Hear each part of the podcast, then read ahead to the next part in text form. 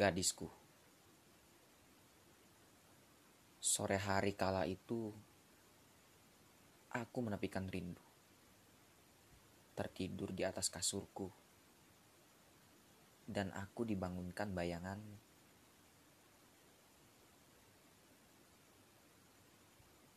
Dalam mimpiku, seorang gadis berkebaya mega senja menepi di pinggir jalan taman hatiku. Di pinggangnya melingkar kain batik yang ia tenun sendiri dengan sinar mentari fajar.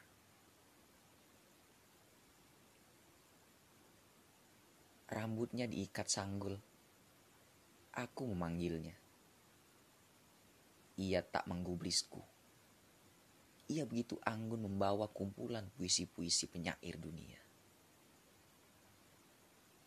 Berjalan di taman hati, memetik bunga-bunga yang mereka indah, karena sang gadis tersenyum saat mengambilnya.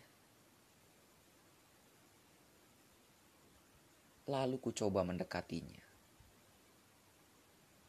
Walau dalam jiwaku ada keraguan, namun kusisihkan dengan pelan ku melangkahkan kaki. Lalu ku panggil ia. Hai senja. Maukah kau menemaniku merangkai karangan cerita sastra?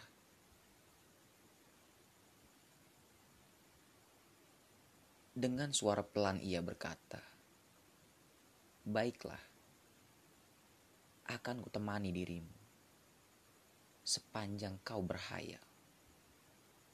Aku takkan bosan menemanimu dalam sunyi yang begitu indah di sini. Kami pun terjerembab dalam bait puisi. Ia tersenyum tersipu. Dengan intuisi ia bernyanyi. Dalam gairah kurangkai melodi sunyi. Lalu aku dan dia menikmati suasana senja di langit hati. Senin sore, jam 5 lewat 14 menit. Tanggal 31 bulan Mei 2021. La Andrika